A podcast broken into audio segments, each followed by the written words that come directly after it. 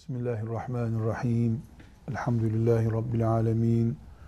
Ve salatu ve selamu ala Resulina Muhammedin ve ala alihi ve sahbihi ecma'in. Allah kullarının cennete girmelerini istiyor. Cennete girebilmeleri için de gönderdiği dine uymalarını istiyor. Gönderdiği din de Kur'an'ıdır. Elimizde Allah'ın bizden ne istediğine dair Kur'an-ı Kerim var. Bir de o Kur'an-ı Kerim'in açıklamaları olan Resulullah sallallahu aleyhi ve sellem Efendimizin hadisi şerifleri var. Dolayısıyla din ya Kur'an'dır ya hadistir. Üçüncüsü yoktur. Kur'an ve hadis dindir. Ancak Kur'an ve hadis günlük gazete lisanıyla yazılmış notlar değildir. Belli bir ilim, belli bir idrak ve belli bir çevrede anlaşılabiliyor. Nihayetinde levh-i mahfuzdan inmiş bir kitap bu. Miraç görmüş bir peygamberin açıklamaları hadis-i şerifler. Her çobanın, her lise mezununun anlaması mümkün olmayabilir. Bunun için kendisini Kur'an'a ve Resulullah sallallahu aleyhi ve sellem Efendimizin hadisi şeriflerine adamış. 5 yıl, 10 yıl, 20 yıl Kur'an'la hadisle oturup kalkmış.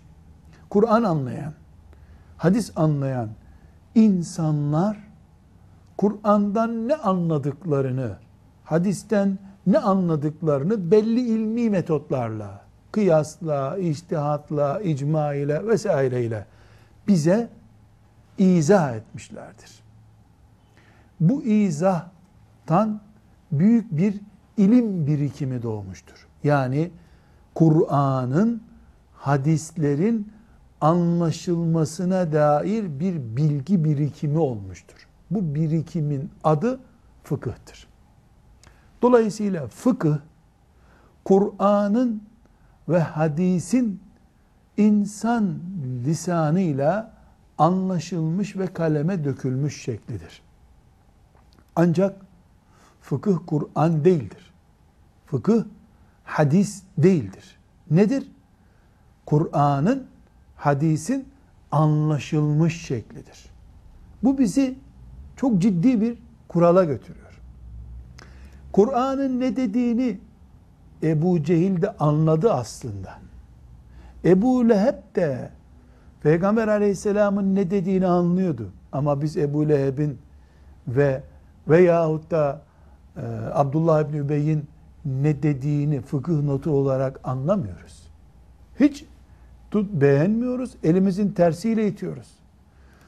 Allah'a dost olan, Allah için Kur'an'la meşgul olan, Allah için gece teheccüd kıldıktan sonra sabah namazını kılıp haşyet içerisinde tazim ve tebcil ile peygamberin hadislerinin önüne oturup ondan bir şeyler anlayan ve bunu bize yazan alemin ilmine fıkıh ilmi diyoruz biz.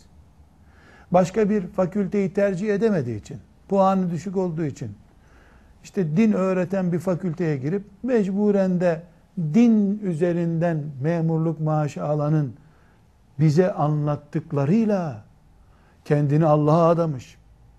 Rahlesinin başında ömür tüketmiş. Bir lokma haramı midesinden geçirmemiş Ebu Hanife'nin fıkı aynı değil. Biri Allah için Allah'ın dinine hizmet etti. Biri de geçinmek için fıkıh üzerinden doktora yapmak zorunda kaldı. Biz Allah için yaşayacağımız dinimizi Allah için yazan alimlerin kitaplarından okumayı tercih ederiz. Buna fıkıh denir. Böyle alime de fakih denir. Velhamdülillahi Rabbil Alemin.